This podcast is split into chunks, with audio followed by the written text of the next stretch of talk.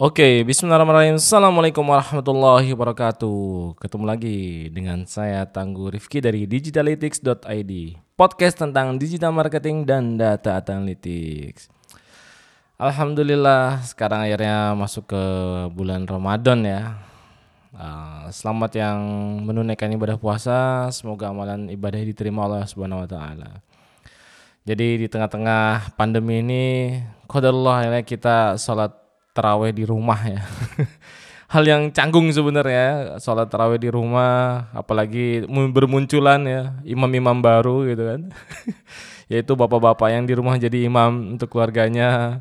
Biasanya di masjid bacanya panjang gitu kan nikmat, di rumah ternyata hafalannya segitu-segitu aja gitu. Masya Allah, Alhamdulillah. Ya sembari buka-buka musaf lagi lah ya. Oke, kali ini akhirnya saya mendapatkan ide untuk uh, membuat podcast. Kemarin tuh mikir podcast apa yang enak didengar gitu kan ya. Di era-era lagi bahasanya lagi lesu gitu lagi lemes kayak gini ya untuk marketing dan lainnya mau marketing apa pun eh, kadang-kadang suka ah, udahlah mau promo apalah kayak gini. Bahkan sih ada beberapa justru di era seperti ini minta tolong dipromosin Mas Tangguh tolong di boost dong Mas Tangguh tolong di boost dong. Ya udah tak coba. Walaupun sebenarnya agak gimana gitu greget ya mainan. Jadi teman ini mainan di fashion. Jadi bahkan baru beberapa produk di launch ya baru naik lagi. Harusnya di Ramadan itu naik. Ya kok darullah namanya biasa kan fashion produksi di sebelum-sebelumnya ya. Nah ini malah di dia dia belum mainan online istilahnya belum dia mainan pribadi punya toko di Tanah Abang seperti itu ya. Uh, dan mainan offline masih beberapa distributor dan agen di tempat-tempat cuman di online tidak full banyak lah gitu. Nah itu minta di boost ya, ada beberapa seperti itu. Nah cuman kali ini saya mau bahas tentang uh, sharing tulisan ya. Tulisan ini adalah salah satu dari pemilik uh, mentor juga lah di luar sana. Saya sebutin mentornya namanya nanti di terakhir aja. Dia nulis di akun apa namanya in apa LinkedIn-nya ya yaitu Ten Commandments of Modern Marketing. Wah, tak ambil singkatnya itu adalah 10 kom komando ya, 10 perintah di era sekarang ini, pemasaran di era modern. Dia bilang to start with revenue first and brand second. Nah, udah kebayang ya. Jadi kamu harus bangun revenue dulu pertama, kemudian brand itu kedua. Nah, ini kata dia. Merek penting sih, tetapi tujuan utama haruslah penjualan, sales. Lo namanya usaha ya, betul kata dia. Jadi tak baca, oh ya benar juga ya. Jadi mau capek kayak gimana pun bangun brand, tujuan pertama adalah sales. Harus ada yang beli, kita harus pertama validasi, misalkan dan lain-lain. Dimungkinkan meskipun tidak disarankan kata dia, untuk mengorbankan merek, wah sampai bilang, untuk mengorbankan merek pada perubahan penjualan dan yang masih uh, tercover gitu ya. Itu. Tetapi Anda tidak dapat mengorbankan penjualan gitu di merek yang paling suci sekalipun gitu. Maksudnya paling merek paling bagus sekalipun dan berharap untuk bisa survive. Nah, itu betul ya. Jadi bahasa singkatnya uh, dimungkinkan Anda bisa mengorbankan merek untuk brand atau perusahaan Anda. Tapi sudah pasti Anda tidak bisa mengorbankan sales untuk brand. Benar ya? Nggak mungkin dong kita utamain brand gitu kan naik brand. Tetap sales utama namanya juga dagangan yang jualan. Jadi kata dia ini kata dia itu betul. Dari poin pertama ini. Oke kemudian masuk ke poin kedua. To salt right over not slogan. Wah ini benar nih asik nih. Jadi anda harus menulis penawaran bukan slogan. Ya, slogan itu semacam jargon Ini sebagai marketer ini model marketer ini kata dia lebih cocok seperti ini daripada kebanyakan jargon-jargon gitu kan. Jadi lebih banyak Anda harus menulis penawaran. Slogan mungkin memenangkan penghargaan kata dia, jargon itu ya. Tetapi mereka tidak menghasilkan penjualan. Pemasaran yang hebat menginspirasi action. Oh, itu tidak hanya menginformasikan atau menghibur, juga ada tempat khusus dalam dalam kerak bahasanya dalam neraka ya agak-agak ekstrim dalam neraka pemasaran untuk pengiklan dan pemasar yang menumpuk penghargaan untuk kreativitas mereka, tetapi yang tidak pernah memiliki atau mempengaruhi angka penjualan. Mereka bisa jadi membantu kita semua jika mereka terus melukis dengan jari. Oh, maksudnya apa nih, Mas? Nah, ini saya translate ya, pure saya translate dengan Google Translate sejujurnya, biar mudah. Nanti tapi kita akan memahaminya. Jadi gini. Jadi eh, penawaran ini eh, jadi kita diminta, ayo tulis over over. Jadi kan balik lagi eh, penawarannya apa nih? Jadi satu produk aja itu bisa macam-macam cara atau penawaran kan? Nah, jadi bukan sekedar slogan. Ingat ya, jadi bukan sekedar slogan. Ini untuk pemasaran modern sekarang, dia bilang seperti itu. Jadi kebanyakan kadang-kadang marketer itu eh, ya makanya ya beberapa kok habisin budget besar gitu ya. Tapi menghasilkan sales kok dikit gitu ya. Karena goalnya itu bukan conversion. Nah, kalau yang suka jalanin campaign tuh biasanya goalnya goalnya adalah engagement, awareness. Ya bisa jadi penting, cukup gitu bagi beberapa brand tergantung goal masing-masing ya. Cuman di awal-awal pasti kita mengharapkan uh, sales gitu ya. Jadi perkataannya di sini adalah pemasaran kadang-kadang menumpuk penghargaan untuk kreativitasnya. Jadi saya punya portofolio, tolong beriklan, tolong bantu, telah ke sana ke sini bantu. Mana impactnya mana gitu bahasa dia. Impactnya mana gitu. Cukup penohok ya. Oke, kita masuk ke poin tiga. To set balance data with gut. Wah, ini dia. Anda harus menyumbangkan data dengan uh, dengan insting ya bahasanya di sini. Saya artikan insting lah, walaupun kalau diartiin gut ini usus ya. Uh, jadi maksudnya insting. Data seharusnya memerintahkan 9 kali dari 10 hari. Jadi maksudnya kita by data. Tetapi kadang-kadang uh, Anda perlu mempercaya insting, intuiting, bukan orang intuiting, tapi insting atau intuisi Anda dan melakukan hal yang tidak dapat dilacak. Nah ini kadang-kadang benar-benar pebisnis itu bedanya dengan pedagang biasa itu mereka memiliki intuisi bergerak cepat, visioner dan semuanya itu ada di dia. Jadi kalau dia hilang pebisnis ini ya bisnis itu hilang lah. Makanya pebisnis itu emang harus uh, fire gitu ya, semangat terus gitu. Gak boleh meredup. Kalau meredup ya habis sudah tuh bisnis. Kita masuk ke poin 4. To be willing to pay for attention and awareness. Nah, ini menarik nih. Anda harus bersedia membayar perhatian, attention itu, dan kesadaran, awareness. Bisa jadi ini adalah antara baik yang berbayar atau versus yang organik. Oke, okay? jadi kita ada kalanya kita harus uh, bersedia membayar perhatian dan kesadaran, awareness ini tadi baik itu caranya inbound atau outbound marketing. Nah, ini bukan perdebatan, bukan bukan perdebatan. Kadang-kadang kan kubu inbound dan kubu outbound ini suka berdebat ya. Dalam tanda kutip, cara gua nih paling enak. Inbound tuh paling bener. Ah, capek-capek outbound mana buktinya? Salesmu mana? Outbound paling ngerasain. Pokoknya sales sales. Contoh kayak gitu ya. Kadang-kadang terjadi perdebatan walaupun tidak disampaikan gitu. Jadi tapi sekarang langsung di di belakang oh, inbound yang gini lah, outbound gini gitu. Ya itu yang, yang saya lihat sih begitu. Jadi ini bukan perdebatan katanya. Ini memilih hidangan penutup saat prasmanan. Jawabannya adalah yes. Wah, asik ya. Jadi ini bukan masalah perdebatan tapi ini adalah kalau kita sudah selesai makan itu adalah ya dessertnya ya. Ini harus mau nggak mau ya harus dimakan gitu kan. Jadi willing to pay for attention awareness ini bukan masalah inbound dan outboundnya dan ini baik itu caranya berbayar atau yang organik atau gratis harus dilakukan. Oke kita ke poin kelima to start endeavor to piss at least a few people off. Wah ini bahasanya agak-agak berbeda nih. Anda harus berusaha untuk membuat orang pipis gitu ya. Setidaknya beberapa orang pergi. Jadi wah hebring lah gitu. Seperti sebelumnya ketika saya menyebut branding sebagai tindakan sekunder atau yang kedua ya. Dan saya mengatakan kepada pemasar yang mengumpulkan penghargaan bahwa mereka harus uh, membuat portofolio semacam itulah, menempel pada lukisan jari ya. Jadi marketer itu kadang-kadang ya yang dibilang sama orang ini gitu, sama dia gitu. Jadi uh, kebalikan dari cinta bukanlah kebencian, itu adalah sikap apatis. Jika merek Anda tidak memiliki pembenci, oh kata dia, itu hampir pasti tidak memiliki penggemar fanatik. Wah, jadi inilah pemasaran luar biasa ya. Sampai produk Anda, brand Anda itu sampai di memiliki haters gitu ya. Ya itu kita udah biasa lah haters seperti itu.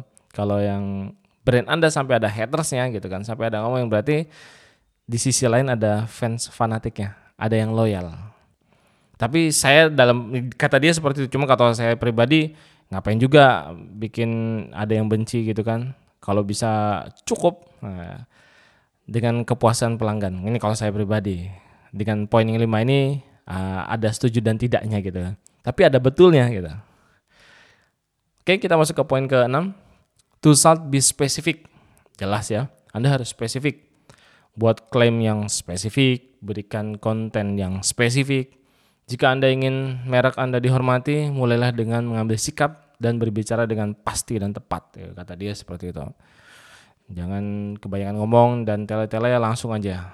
Be specific. Oke, poin ketujuh. To start not stop marketing just because the lead is generate or the sell is made. Oh, jangan berhenti melakukan marketing hanya karena lead yang udah didapat atau penjualan terjadi. Ya ini kadang-kadang wah ngerasa baik-baik aja nih sales.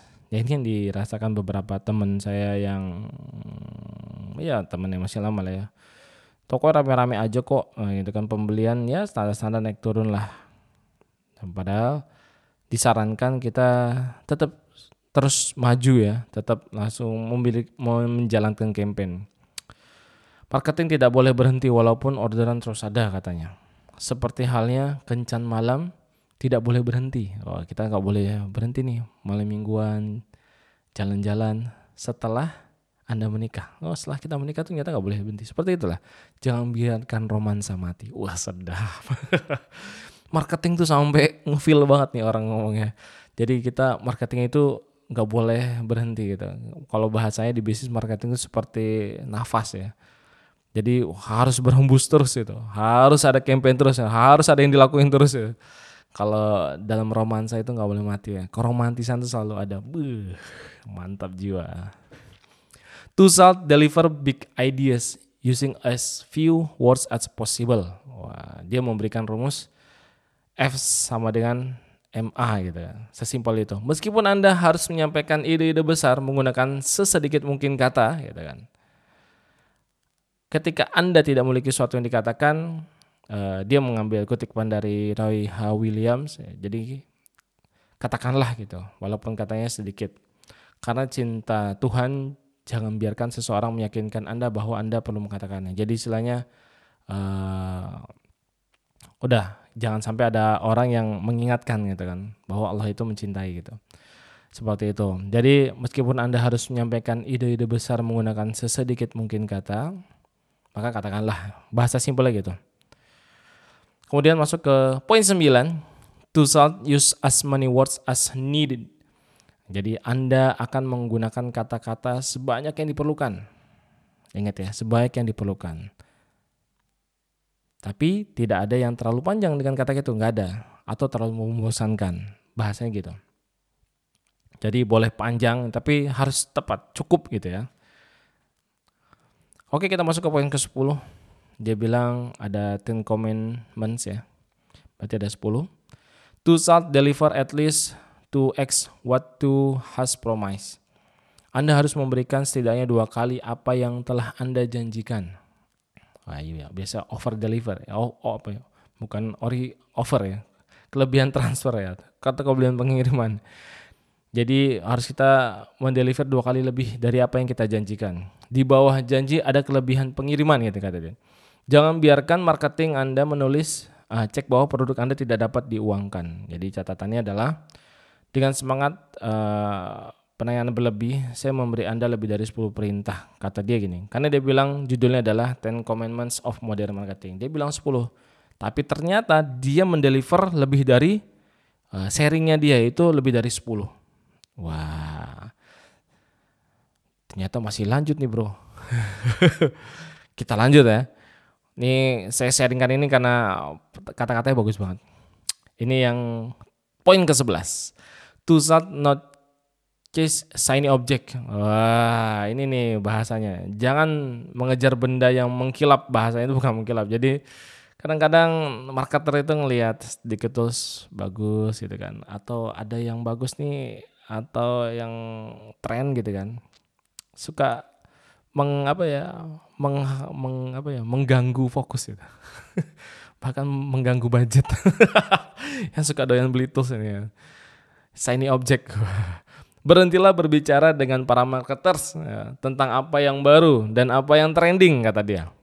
Dan mulailah berbicara dengan customer Anda dan perhatikan apa yang dilakukan customer Anda. Ya. Kadang-kadang kita punya grup gitu. Wah iya nih lagi trending ini. Lagi ngapain nih trending gini. Kok kita rame di grup tuh para marketer isinya. Tapi kita lupa ngobrol sama customer kita setiap hari gitu kata dia. Nah ini nih kita harus tahu pergerakan. Justru kita harus banyak ngobrol sama customer, bukan sama marketer gitu kan. Kebanyakan curhat sama marketer ya. Ada metode apa nih Wox itu? Oh, itu marketer kerjaannya. Lagi bagusnya begini gitu. Oke, kita masuk ke poin 12. To solve choose clarity over cleverness. Anda harus memilih kejelasan daripada kepintaran. Lihat poin kedua tadi ya. Nanti teman-teman bisa juga baca tulisannya di bawah ya. Yang di blog ya kalau mungkin didengerinnya dari Spotify atau Google Podcast dan lain-lain mungkin tulisannya nggak panjang saya nggak masukin. Kalau tulisannya panjang-panjang saya masukinnya yang kalau teman-teman dengar di di tempat web saya langsung yang di digitalytics.id nah di postingan ini di bawahnya biasanya tulisan lebih panjang dibanding channel-channel yang lain. Kita bisa lihat ya. Jadi di maksudnya Anda harus memiliki kejelasan daripada kepintaran. Harus clarity ya. Over cleverness. Jadi lihat di poin yang kedua tadi to start talk to your customer. Hmm, anda harus bicara dengan pelanggan Anda. Bagaimana Anda bisa tahu apa yang diinginkan pelanggan Anda jika Anda tidak berbicara dengan mereka? Ah, ini nih. Kemarin saya baru ngakuin mentoring untuk teman-teman di kampung saya. Kebetulan ada dari salah satu lembaga bisnis, dia mengolah dana CSR ya, dan kemudian dapat titik poin yang harus dibantu adalah di Indramayu. Kodarullah pas banget itu nyata yang minta sharingkan itu saya dia nggak tahu kalau saya dari Indramayu.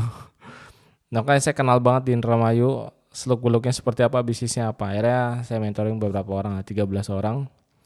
Nah itu banyak banget mereka improvement tentang bisnis, nambah menu dan lain-lain gitu kan. Itu saya tanya, siapa yang mau bikin menu itu tambah menu? Saya katanya. Terus kenapa harus uh, buka cabang seperti ini metodenya? Ada yang minta nggak di cabang situ, di daerah situ? Iya belum, saya lihat rame. Coba tanya, ada customernya nggak? Atau ada teman saudara dan lain-lain. Istilahnya kita uh, banyak ngobrol sama pelanggan. Saya bilang kayak gitu. Karena ngobrol dengan pelanggan feedback itu adalah data. Balik lagi ke beberapa poin yang di atas ya. Jadi dari data itu kita cukup mendapatkan uh, untuk mengambil keputusan dengan menambahkan intuisi yang kita punya. Jadi marketing itu bukan tebak-tebakan dan testing melulu gitu. Marketing itu adalah uh, dia bilang nih penelitian, research, research, research, research, kemudian tes. Kemudian research, research, research, research, kemudian tes. Research lagi, research lagi, tes kemudian scaling tuh. Scalingnya aja di belakang pak setelah beberapa riset ya kemudian tes. Anda tidak dapat menyebut diri anda sebagai marketer kata dia. Jika anda belum berbicara dengan setidaknya 25 pelanggan. Ini saya dia bilang 25 pelanggan ini nggak tahu. Kalau saya bisa mencakup 25 pelanggan sehari nih yang dimaksud. Nggak 25 hari itu kita harus entah broadcast kayak broadcast email, kita harus talk to customer gitu kan, tanya keluhannya apa, masalahnya apa. Setiap hari kita pasti punya customer. Kalau setiap hari nggak punya customer kan, uh, berarti kita nggak ada penjualan di hari itu. Nah itu harus berbicara, baik medianya yang sudah ada kita punya datanya, atau yang baru datang, atau mereka yang baru mau masuk sebagai calon customer kita. Kita harus berbicara. 25 pelanggan coba dimasukin note yang ke-25. Jadi tantangan saya sendiri juga 25 pelanggan sehari nih. Oke, masuk ke poin ke-14. To not confuse the reason people buy with the reason people stay. Jangan mengacaukan alasan orang membeli dengan alasan yang stay di situ. Kadang-kadang momen aha ada momen aha jarang jarang dapat gitu kan. yang sesuai dengan yang kita pikirkan. Jadi oh, kok kok jadi begini ya gitu. Oh, ternyata sampai ah begini nih. Nah, itu dia. Pelanggan dengan cepat melupakan alasan sebenarnya mereka membeli saat Anda merasakan gatal gitu dan Anda menggaruk pertama kali. Jadi pelanggan tuh beli e, ya udah gitu. Kadang-kadang dia lupa gitu. Jadi aha momen itu sangat jarang munculnya. Itulah mengapa sangat penting bagi Anda untuk berbicara dengan kedua prospek dan pelanggan. Jadi dia maksudnya aha momen ini kadang-kadang muncul, kadang-kadang jadi kita nggak tahu sebab dia membeli itu sampai terjadi kita menggaruk badan kita itu udah mereka udah lupa dengan kejadian mereka membeli kenapa why-nya itu. Kemudian kita masuk poin 15. To shall not propose marriage on first date. Wah, jangan melamar pada kencan pertama. Wih, sedap. ya baru kenalan langsung dilamar maksudnya gitu ya. Fokuskan 70% dari waktu Anda pada pesan dari message. Nah, ini kata dia bilang gitu. Kemudian 25% dari waktu Anda untuk menentukan urutan pesan. Wah, dirapi nih message-nya. Dan 5% dari waktu Anda pada penargetan, targeting. Dia bilang 70 tentang message, 25% tentang urutannya, 5% baru tentang targeting. Ini kalau yang iklan malah kebanyakan ngulik targeting ya. Alhamdulillah sekarang tidak seperti dulu. Nah dia bilang penargetan kadang suka dilebih-lebihin, overrated kata dia dengan pesan yang tepat, penargetan terbaik itu selalu merupakan target yang tidak ditargetkan, yang difilter oleh olah pesan yang kita bikin tadi, kita susun, yang benar-benar meyakinkan dan tepat waktu. Nah, ini bahasanya agak belibet sebenarnya. Jadi dia maksud adalah kadang-kadang pesan yang tepat, penargetan terbaik itu kadang-kadang kita uh, tepat itu saat tidak ditargetkan gitu ternyata dengan pesan itu sudah terfilter sendiri dengan pesan kita gitu kan. Jadi pesan-pesan message kita sudah memfilter. Akhirnya meyakinkan, bisa meyakinkan dan tepat pada waktunya. Nah, itu dia. Dia bilang seperti itu. Kemudian poin ke-16, to salt not pour water into a leaky bucket. Meskipun demikian, jangan menuangkan air ke dalam ember yang bocor. Tetap katanya atau jangan memperbesar kotoran lah ya ke kesalahan itu optimalkan penawaran pertama lalu perkuat itu ya bisa jadi kita ini oh, dimaksud yang yang saya tangkap sendiri bisa jadi kita main funnel over selanjutnya dan lain-lain cuman tetap over pertama itu paling utama ya istilahnya kalau ada produk itu produk penetrasinya apa overnya apa caranya gimana nah ini poin 16 ini cukup menohok ya kemudian poin ke-17 to tell stories Nah, Anda harus menceritakan kisah. Ini di mana pun bisnis tentang storytelling, tentang brand atau tentang kenapa brand ini dibikin. Beberapa brand tak lihat uh, ini bagus banget menyampaikan kenapa produk ini muncul, kenapa dia bikin ini tuh bisa menyampaikannya dengan feel ya, ada rasa gitu, kena gitu, bagus banget. Jadi ceritakan kisah uh, transformasi, kisah identitas, kisah kemenangan atas musuh bersama dan lain-lain lah. Manusia tidak mengambil tindakan sampai mereka pertama kali membayangkan diri mereka mengambil tindakan itu.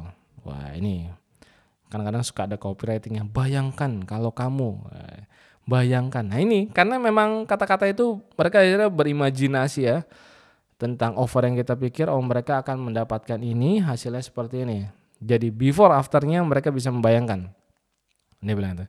Jadi uh, lukislah, imajinasikan kisah tentang masa depan yang lebih baik gitu, lebih mulia dan kemudian gambarkan mereka ke dalamnya. Ya jelas, mengimajinasikan mereka dari before ke after ya. Dari dia tidak menggunakan produk kita seperti ini, tapi jika mereka menggunakan produk kita adalah seperti ini. Nah, itu dikemas dengan gambar, video, copywriting, sales page yang menarik lakukan ini dan mereka akan meminta Anda untuk membawanya ke sana. Wah, jelas. Ayo, ayo dong. Ini nih, aku siap buka dompet aku. Transfernya ke mana? Transfernya ke mana? Itu. Asik ya bahasanya. Kemudian yang 18. To remember that humans only ever buy one of two things. Nah, dia bilang ada dua hal yang membuat uh, orang-orang uh, itu akan membeli. Yang pertama adalah transformasi, yang kedua adalah identity Uh, penguatan untuk tentang identity reinforcement dia bilang penguatan identitas jadi ketahuilah yang kamu jual pahamin dua hal ini transformation identity reinforcement dia bilang itu Maksudnya ini tadi saya juga baca beberapa kali ini maksudnya apa? Saya pribadi transformasi ini masih belum paham. Mungkin nanti teman-teman yang lebih memahami bisa sharing di bawah. Seperti apa yang maksud dengan transformasi? Kalau identity reinforcement saya cukup ma masuk nih. Penguatan identitas jelas lah. Kemudian ke 19, to start be authentic. Anda harus otentik. Berbicara seperti manusia, jangan berpura-pura menjadi sesuatu yang tidak Anda sukai dan yang terpenting katakan yang sebenarnya. Wah, ini kalau saya tangkap uh, berbicara seperti manusia yang berpura menjadi sesuatu yang tidak Anda sukai. Ya, kita harus uh, apa adanya ya. Maksud dalam ini kita loh. Kalau kita ngomongin produk kita ya, saya juga suka pakai produk ini tiap hari. Bahkan tiap hari ya keluarga saya makan ini gitu kan. Ini yang saya jual dan saya suka dan tetangga saya minta terus gitu kan. Akhirnya saya jual. Katakan yang sebenarnya. Jadi kita bilang produk ini bagus, buku ini bagus. As uh, owner ya, buku ini produk bagus dan lain-lain. Tapi kita harus tahu, kita bisa memesejkan dan kita bahkan menerapkannya sendiri di keseharian itu lebih bagus. Kemudian yang ke-20. Dari 10 commandments kata dia 10 nyata sampai 20 ini dia kasih. To sound create movements. Anda harus membuat suatu gerakan ya. Ya, saat menjual mata bor lebih baik berbicara tentang lubang satu inci daripada mata bor satu inci. Eh, paham gak? Jadi kalau ada movement ya, sa, ini kita ulang ya. ya. Saat menjual mata bor, mata bor, ya biasa kita bikin bor, lebih baik berbicara tentang lubang satu inci daripada mata bor satu inci. Jadi tentang medianya, tentang golnya di sana itu lebih baik ngomongin itunya daripada si mata bor ini. Tapi tidak tahukah Anda bahwa gerakan atau movement ini dibuat ketika marketer atau marketing berhenti berbicara tentang mata bor dan lubang seluruhnya. Dan mereka sebaliknya mulai berbicara tentang orang jahat gitu ya, yang menciptakan kebutuhan lubang satu inci di tempat pertama. Wah, coba kita pahami nih bahasa-bahasanya nih start talking about the evil bastard that created the needed for the one inch hole in the first place. Wah, itu dia, dia bilang gitu loh. Mulai berbicara tentang orang jahat lah ya, yang menciptakan kebutuhan lubang. Jadi uh, mulai berbicara tentang kenapa ada lubang di situ ya, satu inci di tempat pertama itu. Nah, lubang pertama itulah yang dibahas, bukan tentang mata ya istilahnya hasil ada masalahnya apa dia kan satu inci itu maka mata bor itulah yang akan menjadi solusi. Ini yang saya tangkap ya. Kemudian poin kedua satu to sound entertain. Anda harus menghibur jelas ya sebagai marketer bisa melakukan itu ya. Menghibur dalam tanda kutip bukan berarti harus ngelawak di sini. Tapi harus bisa mencukup uh, menghibur customer Anda. Jadi dia ya produk kita tentang kesehatan yang menghibur bukan jelas pelawak ya, just menghibur. Oh iya nih alhamdulillah ada solusi untuk penyakit ini. Menghibur tuh memberikan solusi. Seperti yang dikatakan teman saya, Roy, ya, lihat perintah ke-8 tadi, commandments yang ke-8. Hiburan adalah satu-satunya mata uang yang tersedia saat ini yang dapat menarik perhatian publik yang terlalu terganggu. Oh, ya jelas. Akhirnya Uh, kita itu kadang-kadang kalau bahasa di Ilmuwan itu ya kita sudah terlalu jemu ya dengan hiruk pikuk yang ada sekarang. Informasi over lah terlalu banyak. Akhirnya mereka butuh hiburan. Hiburan ini kan macam-macam subjektif tergantung produk. Ya kadang-kadang makanya ada TikTok yang ngelihat orang seneng ketawa-tawa gitu kan. Uh, hormon seperti itu ditimbulkan akhirnya untuk menahan gitu kan. Uh, tension dari menahan perhatian mereka terhadap kita Akhirnya butuh-butuh konten seperti itu. Tapi ada kalanya tidak perlu juga pakai TikTok gitu. Yang kadang-kadang menurut saya ya emang itu cukup memubazirkan lah bahasanya. Jadi saya pribadi ini subjektif sekali ya. Jadi bisa jadi menghibur dengan cara yang lain ya, lebih baik. Sesuai dengan yang diyakini masing-masing lah. Jadi hiburan adalah satu-satu mata uang yang tersedia saat ini yang dapat menarik perhatian publik yang terlalu terganggu. Jadi mereka sudah jenuh lah di luaran akhirnya dia butuh hiburan. Bisa jadi makanya kita harus menyediakan konten yang harus connected terus dengan mereka tidak melulu tentang jualan. To make people log from time to time. Ya, Anda harus membuat orang tertawa dari waktu ke waktu. Pemasta terbaik dapat melakukan lecon di pemakaman. Uh, berat nih bahasanya. Jadi marketer terbaik itu dapat melakukan uh, lawakan ya, walaupun di pemakaman. orang lagi pada sedih tapi dia bisa bikin lawakan. Nah ini ini berat nih bahasa di sini ya. Bahkan untuk mempraktekannya. Saya skip lah untuk poin kedua-dua ini. Poin kedua tiga. To that make people cry and yearn for things they do not yet have. Engkau akan membuat orang menangis dan merindukan hal yang belum mereka miliki. Wah. Tidak apa gitu, kerinduan kami yang memberitahu kami bahwa kami masih hidup. Dan yang paling penting, nah, jadi bilang seperti itu. Walaupun dia belum memiliki ya. Lebih mudah bikin orang nangis kayaknya ya, dibanding orang bikin ketawa. Indonesia banget ya, maka lagu-lagu di Indonesia pop-pop tuh lebih populer, lagu-lagu Malaysia lagu-lagu sedih. Makanya habis itu film-film Korea kenapa digandrungin akhirnya gitu kan. Mengikuti episode by episode karena uh, bikin menyentuh menyayat gitu. Kan lebih mudah di situ. Kemudian poin ke 24 akhirnya masuk ke poin ke terakhir nih dari 10 commandments kata dia ya akhirnya dibonuskan 14 akhirnya masuk ke 24 to shout love the customer and sincerely yearn for their happiness and success engkau harus mencintai pelangganmu dan dengan tulus merindukan kebahagiaan dan kesuksesan mereka. Jelas ini mah. Empati adalah keterampilan yang paling berharga dalam pemasaran, dalam marketer, dan satu-satu yang tidak bisa diajarkan, yaitu adalah empati. Ya kita harus paham. Uh, kita biasa antara produk yang kita jual itu masalah problem atau emang need, ya kebutuhan ya, problem dan kebutuhan. Nah kita harus peduli dengan hasil yang mereka rasakan setelah membeli produk kita. Nah istilah kita empati gitu, bukan sekedar jualan ya udah gitu hit and run. Gitu. Kita harus care, kita harus peduli, kita menanyakan gimana dari mereka yang sebelumnya menjadi seperti apa. Nah ini kita harus care gitu. Nah poin terakhir ini ya kita harus membuat mereka bahagia.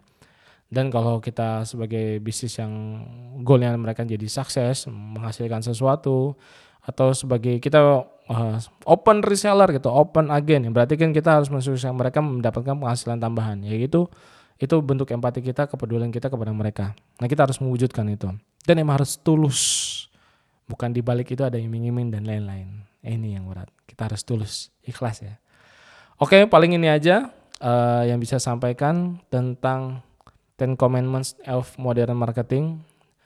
Dan yang menulis ini adalah Ryan Days. Nah, ini akhirnya saya nyebutin. Ryan Days ini adalah founder dari digitalmarketer.com.